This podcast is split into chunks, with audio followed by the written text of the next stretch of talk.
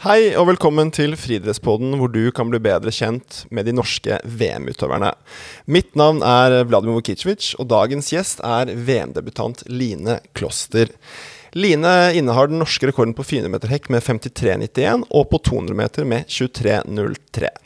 Velkommen til Friidrettspodden, Line.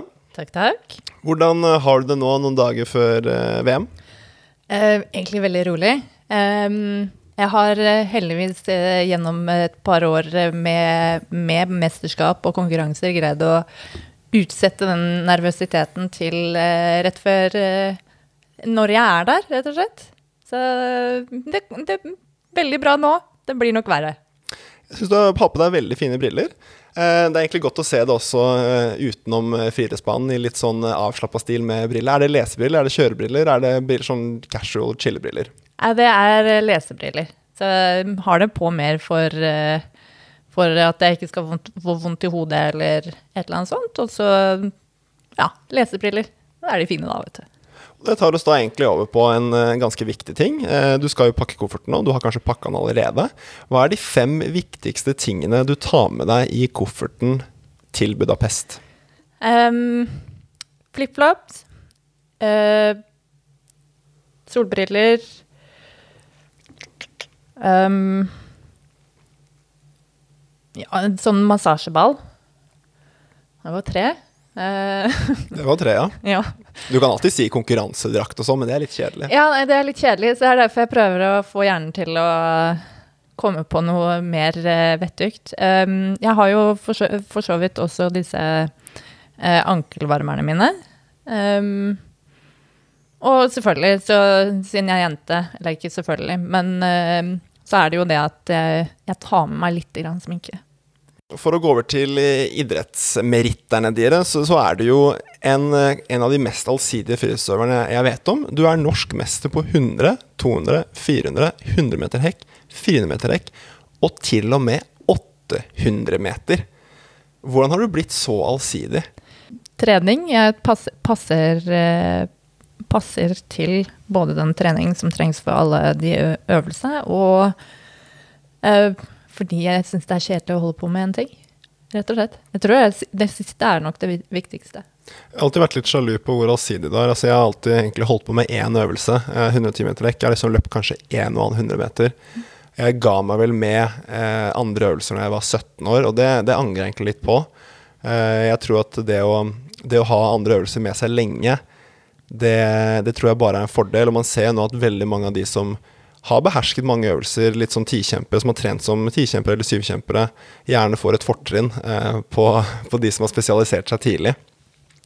Du har jo, i en alder av 32 i fjor, da, og nå som 33-åring, så perser du jo på både på alle øvelser, og du perser også på 100 meter, som er en øvelse veldig mange har et forhold til. Eh, du viser at tålmodighet lønner seg, og skroter på en måte med det gamle hypoteser om at utøvere i eksplosive idretter har sine beste år bak seg etter fylte 30. Hva tenker du om at du, eh, du er en sånn eh, game changer? Ja, jeg håper å si Jeg vil nok også påpeke at jeg har ikke hatt en kropp som har utviklet seg tidlig. Jeg har ikke hatt en kropp som har eh, lagt på seg de musklene som trengs i tidlig alder. Det har tatt veldig lang tid å, å bygge opp både et godt grunnlag av eh, styrke, men og e også eksplosivitet og utenhold. Egentlig alt har tatt litt tid.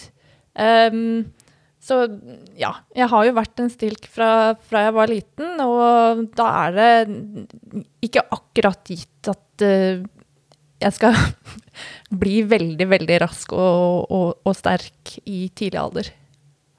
Du har jo du har jo på en måte, som du sier, brukt mange år egentlig på å bygge opp en, en kropp som både tåler treningen. Eh, og du har jo hatt noen år som du har vært skada òg. Og det er klart, de årene man er skada, så har man jo ikke den kontinuiteten. Eh, så da blir, da blir, på en måte hele festen litt utsatt, hvis man har noen år med skader i, i midten av 20-årene f.eks. Eh, og så er det jo forskere som mener at kvinner trenger litt lengre tid enn menn før kroppen begynner å respondere på trening, og at mange unge kanskje slutter med toppidrett litt for tidlig. Har du noe råd og, og tips til unge jenter som eh, ser for seg et liv i eh, toppidretten? fokuser på Gå inn på forskjellige områder egentlig nesten et nytt et hvert år, og se hvor er du dårligst, hvor kan jeg forbedre meg, um, langt Og ikke gjør det for fort, rett og slett. Ta, ta og på en måte hele tiden ha delmål eh, i forskjellige muskelgrupper, eh, forskjellig type trening. Um, ja, jeg finner nye ting som jeg kan eh, allerede Eller i en alder jeg, alderen jeg er nå, eh, som kan forbedre seg. Og på en måte jeg må helt, helt ned på grunnivå for å begynne å forbedre det. Så det er mye man kan gjøre. Og eh, ha litt is i magen og ja, rett og slett vite at liksom Det er nok mer potensial uh, enn det man, det, det man tror, hvis man gjør uh, småtingene. For det er jo Jeg har jo kjent deg lenge, Line, og du, vi, du og jeg har trent sammen en evighet. Og vi er jo ved siden av å være kollegaer, så er vi også venner. Eh, og jeg husker jo når du var eh, 17-18 år i Askerhallen der, så det er ikke mange som hadde tenkt at du kommer til å sette norsk rekord på norsk rekord på norsk rekord når du ble voksen. Nei, jeg holdt på å si eh, Ikke var jeg koordinert. Ikke Jeg var sånn noenlunde rask. Eh, men jeg holdt jo Når du traff meg, så var jeg jo eh, på det tidspunktet mer overbevist om at jeg skulle være høydehopper. For du var, veldig, du var høy og slank, Ja. og hadde ikke så veldig mye muskler, egentlig. Nei, der er det jo også et annet poeng da, som, som eh, eh, Jeg oppdaget da jeg var 16 at jeg hadde jernmangel. Og såpass kraftig jernmangel at det begynte, hadde gått utover blodprosenten. Så jeg hadde jo en blodprosent på 6,2. Og for de som ikke helt Dette ikke sier noe helt egentlig, eh, så er det vanlig for kvinner fra 12 og oppover. Um, så jeg fikk jo spørsmål hvordan greier jeg å trene. Og jeg fikk jo syre av å jogge, så jeg burde jo, burde jo skjønt noe. Men um, så etter det så var det jo det Som sagt, jeg har vanskeligheter for å legge på meg, men det er på en tremånedersperiode hvor jeg tok da jerntilskudd, så la jeg på meg fire kilo, og det er det største hoppet jeg har hatt i ja, noensinne etter at jeg sluttet å vokse. Du har jo blitt trent av eh, Peter Volkvicer, som da er min far, siden du var eh, ja, 17-18-19 kanskje. Eh, hvordan har forholdet ditt med han eh, påvirket karrieren din, og det at dere har hatt et så hva skal jeg si, unikt forhold dere to imellom? Han har jo hatt ståltro eh, på at jeg kan gjøre det bra. Kanskje ikke like bra som jeg har gjort eh, nå. Eh, ikke til å begynne med, i hvert fall, men at, eh, hele tiden hatt troa på at jeg kan gjøre det bra. Eh, han var jo kjempeskummel til å begynne med. Men på en måte når du får lært at, at det å få direkte tilbakemeldinger, få krasse, men, men riktige tilbakemeldinger, og på en måte setter pris på da den, de komplimentene du får når ting går bra, det har jo gitt en kjempemotivasjon. Og så er det veldig greit på treningsleir, spesielt nå som jeg har blitt eldre, eh, hvor jeg er mye alene på treningsleir, at man på en måte er venner. At det er eh, man tri trives i eh, Peter sitt selskap. Eh, så, så, er jo, så er jo han han, da. Så, med, med Ja, jeg vet ikke helt med positive og negative sider, som du vet. Eh, Nei, men det, det er eh, Han er eh, eh, nesten en bonusfar. Så, og en god venn. For det blir jo litt sånn at jeg, jeg tror man kan dra synergier av relasjoner. eh, og jeg har ikke vært så bevisst på det før nå jeg har blitt i mine eldre dager i idrettskarrieren, at det å ha Altså én pluss én blir mer enn to da, når man får en veldig god relasjon. Fordi det sosiale er til syvende og sist limet som gjør at treningshverdagen fungerer. Og det er treningshverdagen over lang tid og kontinuitet som er den eneste måten å få fremgang på. Og det er jo du et veldig godt eksempel på. Ja, og så kan jeg også si at eh, når man har et godt forhold til sin trener, eh, så er det mulig å si at eh, jeg har et par ganger fått treningsprogram og egentlig ringt på hva faen er dette for noe? Eh, så, så vi har eh, Det som er fordelen, er at jeg kan si ifra at dette passer ikke nå. Eh, dette er ikke det jeg trenger, eller det er nesten, men ikke helt. Å få, ha respekt og på en måte vite at nå blir det forandret, og en god dialog i det, da. Selv om, selv om det er, ikke er jeg som skriver treningsprogrammet. Og så har du, som du nevner, så har du jo oppholdt deg veldig mye i Sør-Afrika i karrieren din. Eh, og lagt ned egentlig mye av grunnlaget der. Du, du er eh, store deler av året i Portsjefstrom, som ligger et par timer utenfor Johannesburg. Hvorfor akkurat Sør-Afrika? Um, vel, det, det, var jo fordi det var der vi dro til å begynne med. Um, så første gang jeg var der, var i 2010. Uh, med bl.a. deg og den uh, treningsgruppen vi var i da. Um, og så har jeg på en måte innsett at det at du har en 400 meter gressbane øh, øh, og øh, en vanlig bane, er veldig, veldig bra. Samtidig så er det det at Hovedgreia er at det er varmt. Det er ehm, mellom 28 og 36 grader ehm, når det er minus 20 hjemme. Eh, og det for muskulaturen er kjempedeilig. Det er klart det er kjempedeilig, og det, er, det blir noe helt annet å trene i, i varmen versus, eh, versus kulda. Eh, og så er det jo sånn at um, du og jeg har kjent hverandre lenge, og vi begge har jo eh, ment at norsk vinter kan være ganske tøff. Eh, spesielt for trening, men ikke minst også at ting fungerer kanskje ikke like bra på vinteren. Har du, har du lyst til å fortelle litt om hvordan, eh, hvordan, det å reise bort, hva det har gjort med deg både fysisk og mentalt, å være borte på vinteren? Uh, fysisk kan vi jo egentlig si med en gang. Jeg har jo hatt uh, et par år hvor du drar på treningsleir til varmen uh, og med litt småproblemer. Og så er du der nede, trener, og egentlig det forsvinner mer eller mindre helt. Og så først andre dagen når du kommer hjem, så er det tilbake. Så på en måte, det å få varmen da blir jo at du kan gjøre mye mer kvalitetstrening.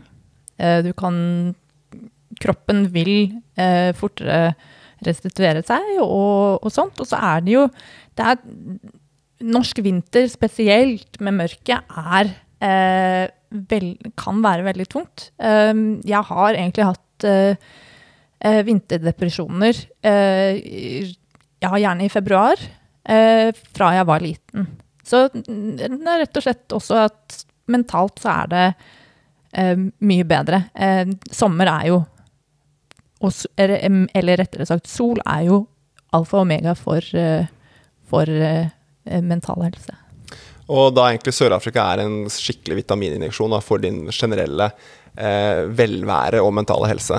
Ja, det, det, er litt kjedelig der. Det må jeg innrømme. Det er ikke verdens navle, og det er ikke alt Man kan ikke gjøre så innmari mye, men, men, for treningen sin del så er jo egentlig det bedre. For da har du liksom blir du tvunget til å slappe av og egentlig ta vare på deg selv. Hvordan har eh, livet som idrettsutøver påvirket din eh, mentale helse? Uh, den har uh, vært veldig viktig, og spesielt gjennom ungdomstiden så har den vært alfa og omega. Jeg vet ikke hvilken forfatning jeg hadde vært den dag i dag om jeg hadde vært her, om jeg ikke hadde hatt idretten. så kan man jo si at i etter, etterkant så, så er det jo Den er jo ikke Spesielt toppidrett er jo ikke ikke eh, snill mot deg. Um, og det har vært noen utrolig tunge år. Det har vært noen år hvor det har vært egentlig helt jævlig. Um, og selvfølgelig, når du da får det til og på en måte har kommet deg gjennom det, så er det ti ganger bedre. Det er Det gir så utrolig mye. Um, så på en måte jeg er utrolig glad for at jeg holder på å gjøre det jeg gjør. Du har jo altså holdt på eh, en del år, og som vi nevnte i stad, så, så, har det vært eh, mye bra. Og så var det noen år der hvor det, gikk, hvor det butta litt imot. Hva, hva, var det du følte da når du slår inn for eksempel, sånn som for to år siden og løper eh, Unnskyld, i fjor, og løper 53,91? Som er altså du, du knuser den tidligere norske rekorden. Føler du på en måte en sånn slags at et, nå får jeg endelig bevist hva jeg er god for for alle andre, eller føler du mer at det er innenfra at nå alle de tunge stundene jeg hadde, nå er det endelig verdt det? Jeg vet, jeg vet ikke helt. Jeg merka at det var Jeg hadde litt problemer med å, å føle, føle, på den og faktisk gjøre det så bra. Um, Jeg syns nesten det var vanskelig. Det var litt sånn derre Å ja, dette var jeg ikke helt forberedt på. Um, så det er utrolig lettelse, uh, og det er utrolig gøy. Uh, men jeg merker at jeg gjerne skulle følt litt mer på den. Jeg er litt for dårlig til å føle på de gangene det går bra, istedenfor å OK, ok, nå er det neste. Og neste fokus, istedenfor å OK, sitte der og bare Yes. Um, selvfølgelig jeg hadde ikke så veldig mye tid på å glede meg på den, for jeg fikk et par dager etter covid som egentlig ødela resten av sesongen. Så den, den var litt kjip. Um, men der og da, det, det var bare Jeg, jeg var sjokka. Uh, det var rett og slett en utrolig god dag uh, hvor jeg egentlig følte meg skikkelig dritt. Og, så, og, så, løper jeg så bra. Det Nei, det skulle gjerne hatt en dag til som det. Jeg syns det er veldig interessant det du sier med hvor dårlig man er, kanskje spesielt som idrettsutøver, med å nyte de gode øyeblikkene. Fordi med en gang man har gjort det, så ser man framover og vil med en gang løpe raskere. Altså Man blir på en måte Man er skrudd sammen sånn at man nesten aldri er fornøyd. Så, og jeg har jo, Både du og jeg har jo opplevd mange år med motgang, og så kanskje har det gått tre, fire, fem år siden vi satt personlig rekord sist. Og jeg husker i 2020, da var det fire år siden jeg hadde satt personlig rekord sist. Og jeg løp, jeg dro til Ungarn, eh, dit hvor du skal nå, og satte norsk rekord på 100 meter rekk. Og så var jeg fornøyd den kvelden, og dagen etter hadde jeg omtrent glemt det. Mm. Og det er nesten litt sånn trist at det går så fort over. Man, man jobber så hardt, og alle de tunge øyeblikkene man står i, da, både om det er skader, eller om det er sykdom, eller at man ikke får det til, det er Da må du på en måte bli bedre på å nyte de gode stundene. For hvis ikke så blir du et, et regnskap som ikke går opp. Mm.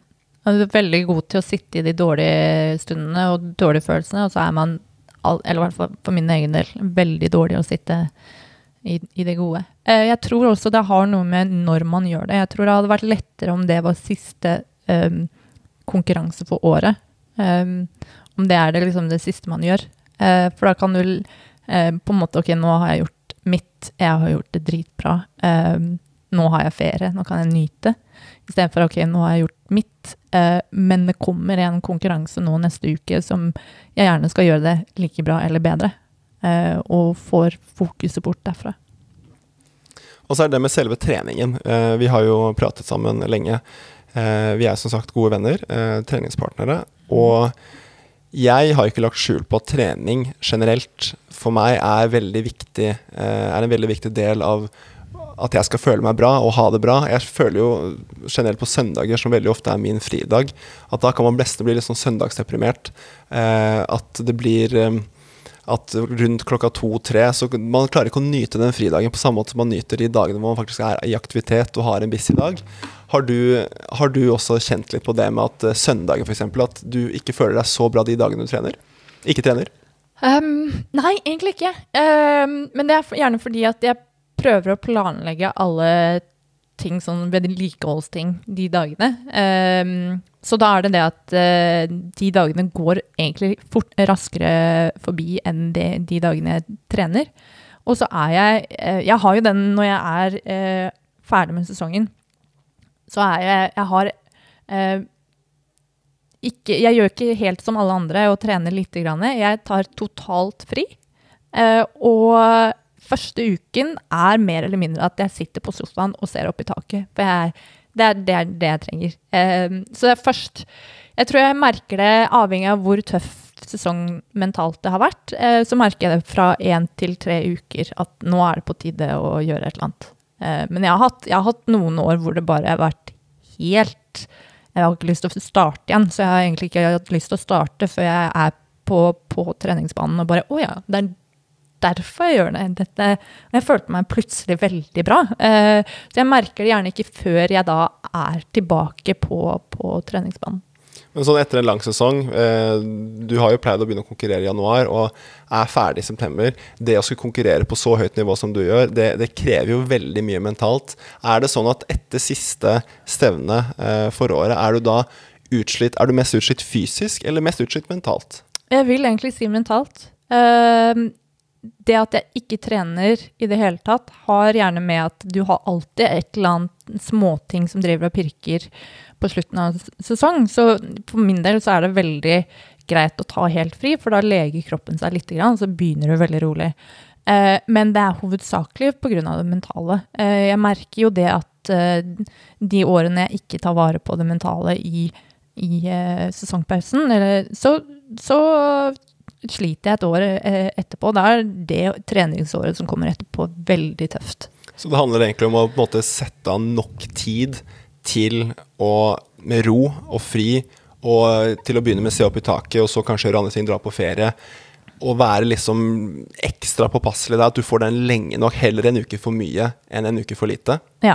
Jeg, det, det har jeg Rett og slett, det er eh, for meg så, såpass viktig. Og spesielt når det er eh, Når jeg er så mye borte eh, i løpet av et år, så er det det at eh, jeg, må, jeg må rett og slett bare gjøre andre ting, gjøre noe totalt annerledes. Om det er å gå i skogen, eh, og, eh, som jeg ikke får gjort vanlig, så er det å gå i skogen. Om det er å dra, som jeg gjorde i 2019, som er det beste jeg har gjort, å dra en spontantur til Roma i seks dager alene, um, så er det det. Um, om det er uh, å håpe å si se eh, tre venner hver dag, eh, det skjer ikke, for det, det er slitsomt. Men hvis det er det, så er det det.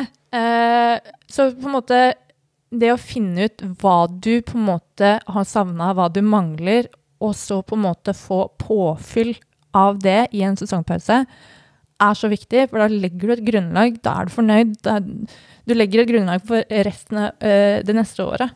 Så ja. Er det sånn at du da ikke nærmer deg en friidrettsbane eh, de ukene du har ferie? Ja.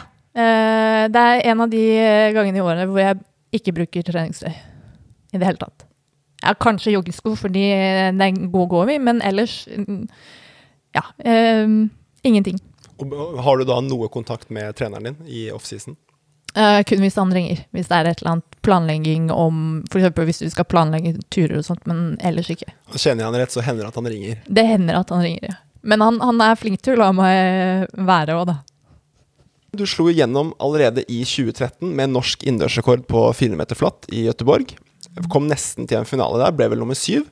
Eh, og så hadde du noen år med, hvor du butta litt imot. Og så gikk du bl.a. gjennom en ganske omfattende operasjon i kjeven. Eh, kan du fortelle oss litt om eh, den operasjonen? Ja, det er, eh, var en planlagt bitkorrigerende operasjon.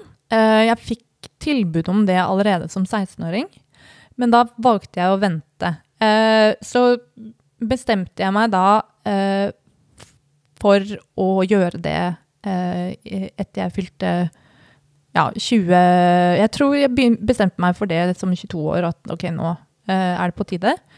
Og egentlig eneste grunn til at jeg gjorde det, var fordi jeg ha, hadde et Ja, hva var det? 70 eh, 73% handikap i munnen. Eh, så jeg hadde en funksjonalitet på eh, 27 eh, Og mm, egentlig slet med å holde vekta oppe. Eh, så det var rett og slett for å kunne spise fortere og bedre, istedenfor at jeg ble mett før jeg egentlig burde stoppe, eller at jeg var drittlei av å spise, eller Ja. Så eh, det var grunnen til at jeg gjorde det. Ehm, og jeg vet ikke hvor mye detaljer du vil ha. Jeg tar gjerne Altså Jeg husker jeg besøkte deg på sykehuset under den eh, operasjonen, eller etter operasjonen, og da husker jeg ansiktet ditt var jo Hodet ditt var jo omtrent dobbel eller trippel størrelse. Du var jo helt, eh, helt hoven. Det som gjorde at du så meg som eh, ballong, et ballongansikt, var jo det at da jeg kom ut av narkose, så var det en av sykepleierne, tror jeg, som sa at nå er det mye blod, så, men du må huske på å ikke blåse i nesa. Eh, men jeg hørte ikke ikke, så jeg hørte da nå er det mye blod, så du må passe på å blåse i nesa. Så jeg blåste i nesa, som vil si at da eh, Som du egentlig ikke skal gjøre på sånn seks-syv uker. Eh, så jeg blåste jo luft inn i dette området eh, som gjorde at det ble mye mer eh, hevelse. Det var blod som kom på, litt mer på avveie enn det det skulle. Og så Ja, så jeg ble skikkelig det, det jeg håper å si hamster. Um, så eh, selv faren min kjente meg ikke igjen eh, da han kom på sykehuset. Så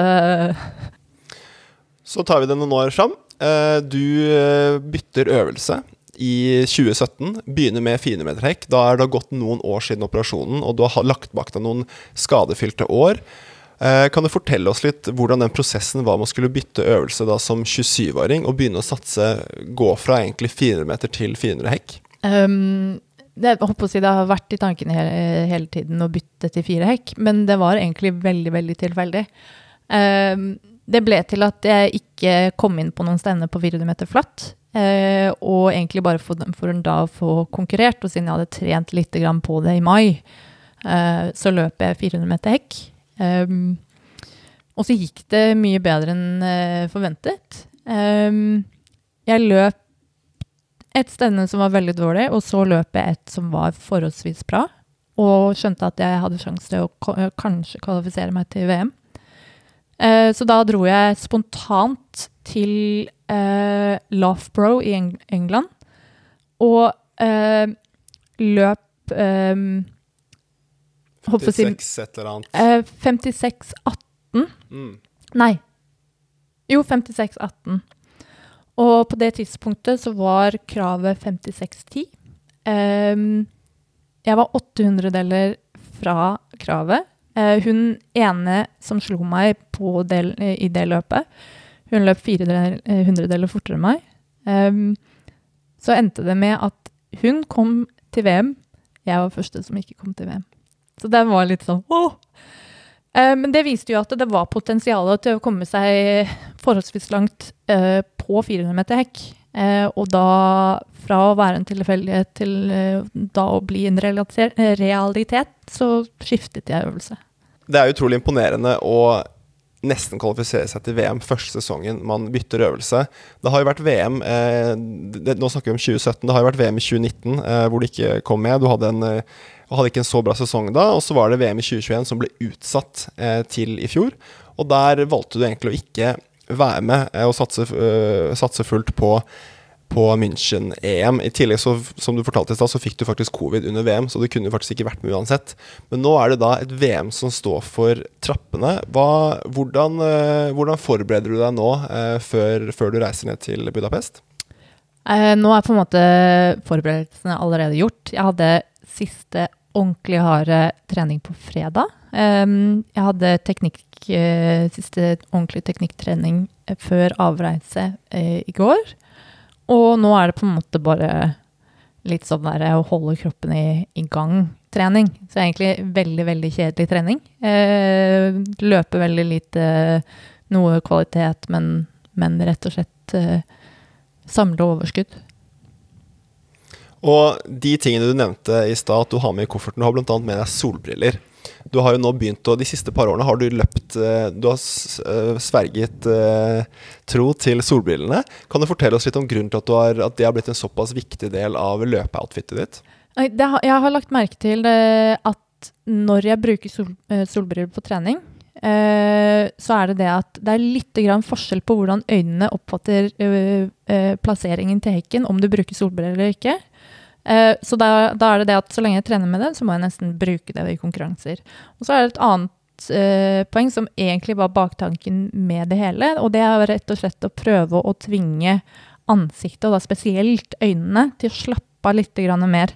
Jeg har en veldig sånn der mysende uh, løpsstil når jeg, når jeg liksom skal over hekken. Så det er rett og slett for å prøve å slappe av. tvinge seg selv til å liksom slappe av istedenfor å drive og, og, og, ha fjes som ser ut som du holder på å dø fra start. Så ja. Det, det er funksjonelt. Funksjonelt. Og det er jo til de av dere som ikke vet det, så er det jo ofte på store stadioner og i mesterskap så er det jo veldig, det er veldig lyst. Hvis det er sol i tillegg, og det er lys på, på stadion, så blir det så blir det jo Da er det jo lett at man blir mysende. Og, og det å myse er jo også litt slitsomt. Så er, det en, eh, er det rett og slett også en sånn energidisponert uh, greie som ligger bak? Ja, ja, det jeg på å si Jeg får veldig ofte beskjed om at uh, nå, nå du, bruker du for mye energi og uh, stenger av Eller hva det heter. Stenger av muskler som ikke trenger å brukes. så det er rett og slett for ja, slippe å myse være mer avslappet, og da forhåpentligvis også da få resten av kroppen litt mer avslappet enn, enn den ville vært med mysing og sånne ting. Så det er en energisparingstanke bak det. Det er det. Har du noen andre sånne rutiner underveis i et VM? Det kan jo være mye trykk eh, i et VM. Det er, eh, det er, mye hotell, det er mye stadion, det er mye buss, det er mye overfylte matsaler. Har du noe eh, teknikk som du bruker for å fylle deg selv med energi i en VM-setting? Um, ja, VM-mesterskapssetting, så, så, er det litt Hvis det blir litt mye, så har jeg med lydbok. Um, det er uh, Men der er faren at jeg blir litt for rolig. Uh, så, men jeg har lydbok for å og på en måte roe ned. Det har funket veldig bra før. Um, blant annet det, i det nevnte stevnet i Loughborough i 2017, så fikk jeg ikke sove, så da hørte jeg på lydbok og greide å sove. Så det, det Lydbok, andre distraksjoner. Ikke så mye film, faktisk. Uh, og sånn som hvis vi, Avhengig av hvordan vi bor på mesterskap, så er det å f.eks. gå ut og finne seg en kafé og kanskje sitte der eh, litt grann alene. Veldig, veldig deilig. Det så, så, det å være alene eh, jeg, jeg, kjenner jo selv på for min egen del, i spesielt i konkurransesituasjoner, så er det veldig deilig å, å, kunne trekke seg litt tilbake og være alene for å samle energi. Så um, har du litt samme greia med det? Ja. Eh, på en måte alene, men ikke isolert. På en måte, det, det er utrolig hyggelig med mesterskap eh, å være med, med, folk og man kjenner og sånne ting, men blir det veldig mange, så blir det litt mye. Så da, da er det deilig å ha mulighet til å trekke seg enten tilbake på rommet, som er gørr, eller, eller, å gå et eller annet sted og nesten sånn sitte på en benk i eh, å se på fuglene, liksom. Eh, jeg har ikke gjort det før, men, men, jeg tenker nå som vi har skjønt at vi bor midt i byen eh, i Budapest nå, så, så, har jeg planer om å bruke noe av tiden på å bare se litt rundt i nærområdet og ha det, ha det hyggelig på å tenke på noe helt, helt annet. Line, det var en fornøyelse å prate med deg. Um, det var uh, virkelig utrolig. Vi har jo kjent hverandre lenge, og veldig hyggelig at du tok deg tiden til å komme hit. Eh, vi i Friidrettspodden ønsker, ønsker, deg masse lykke til i Budapest, og håper at du får et veldig bra mesterskap som VM-debutant. Mm -hmm. Og så ja, masse lykke til. Takk, takk. Takk for meg.